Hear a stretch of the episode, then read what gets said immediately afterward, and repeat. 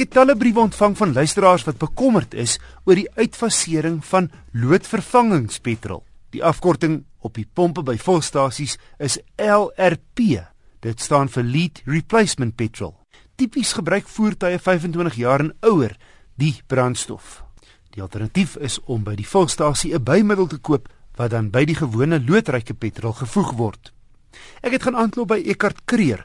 Hy is die voorsitter van die motorvervaardigersorganisasie NAMSA se tegniese komitee en 'n tegniese bestuurder by BMW Suid-Afrika. Hy antwoord soos volg: Daar's 'n landwyse afname in aanvraag na loodvervangingspetrol en gevolglik voorsien petrolmaatskappye al hoe minder LRP totdat dit heeltemal uitgefaseer is. Daar staan so min ouer engines wat die lood, oftewel die loodvervangingsmiddel benodig dat petrolmaatskappye eerder die bymiddels vir motors verkoop as om LRP aan te hou. Motoriste kan by die vervaardigers van hulle spesifieke voertuie navraag doen oor die benodigheid van klepsmeringsbymiddels of op die NAMSA webwerf kyk of hulle motors dit wel nodig het. En oor die byvoeging van diesel, soos een luisteraar vra, antwoord hy: "Dit sou beter wees om die vervaardiger self te kontak. Ek persoonlik sou dit afraai." Ek het ook gaan aanklop by die tegniese kenner Jake Venter. Hy is deesdae die motorjoernalis by Farmers Weekly. Nee, ek stem saam met wat wat ek het sê. En dit sal die algemeen geld. Ek wil net byvoeg dat toe hierdie nuwe brandstof verskyn het op die mark, was dit baie mense bang geweest vir al die probleme, maar ondervinding veral die mense wat met ou karre ry, jy weet veral oor see, daar is baie min probleme opgeduik. Daar is werklik baie mense wat probleme gee tensy jy baie vinnig ry gereeld. As jy normaalweg ry, sal jy amper nie eens probleme opjaag nie. En wat ek sou voorstel is volg ek as advies, ek koop hierdie bymiddel en uh miskien so wanneer jy die kar invat vir 'n diens met julle vra net te kyk na die klepspeling. Want wat gaan gebeur as die klepspeling gaan kleiner word en op die ou end kan dit brand. Maar dit sal 'n lang tamelike lang proses wees. Jake, van die briewe wat ek ontvang het hier's 'n vrou Nelie Grobler met 'n 81 Datsun bakkie en Neil Slam van Pretoria, hy het 'n Cortina 83 en 'n 76 Escort. Wat staan hulle te doen? Moet hulle maar eenvoudig hierdie bymiddel Ek sal in elke geval eers kyk wat sê vervaardiger, nie nie handelaar nie, vervaardiger self. Ek miskien gaan begin by 'n naam soos 'n webwerf en kyk wat wat hulle daar sê.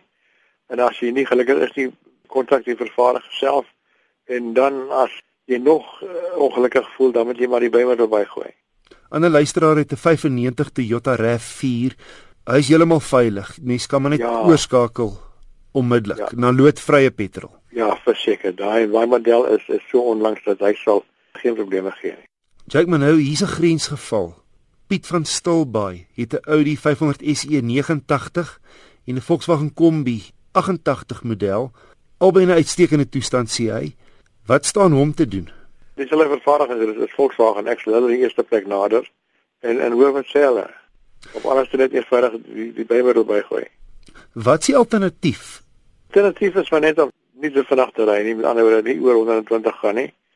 En as jy voel uh die enjin sukkel aan die oggend wanneer hy kyk as om aan die gang te kom, dan kan jy net deur die klip na die klipspeling kyk want wat gaan gebeur as die klippe speling gaan kleiner word en dit sal op die einde beteken nie word dit sal nie baie vinnig aanskakel as ek uit is nie. Maar as ou nou die hele pad wil loop en kleppe vervang, wat gaan dit kos?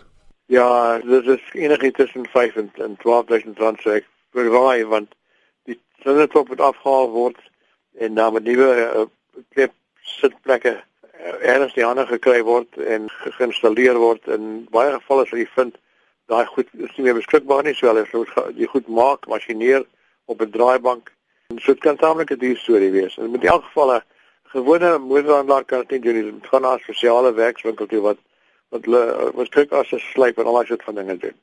So klink amper asof dit nie die moeite werd is om dit te doen nie, Jake. Ek sal dit nie maklik doen te sê ek dan regtig moet nie. Ja. Ek het gou ver oggend by my naaste volstasie draai gegooi. Hierdie bymiddel kos R20.50 vir een tank petrol. Dit is op 'n gemiddelde tank byna 40 sente liter. So dis nou maar luisteraars met ouer karre se voorland. Ja, is 'n bietjie duur. Ek sê as jy versamelstukke kan mense maar die byvoorbeeld koop maar nie versamelstuk nie, kry maar iets bietjie meer modern is. So aan vir die tegniese motorkenner Jake Venter. Motorverwante navraag kan aan my gerig word deur te skryf na wissel@rsg.co.za. Hier's my wenk van die week. Vroeger jare is ons geleer om met die ratte af te rat om spoed te verminder, eerder as om die rem te gebruik. Maar die metode is nie meer nodig met vandag se karre nie wat heelwat beter remstelsels het. En verslete remskoene is baie makliker en goedkoper om te vervang as ratkas en koppelaar onderdele.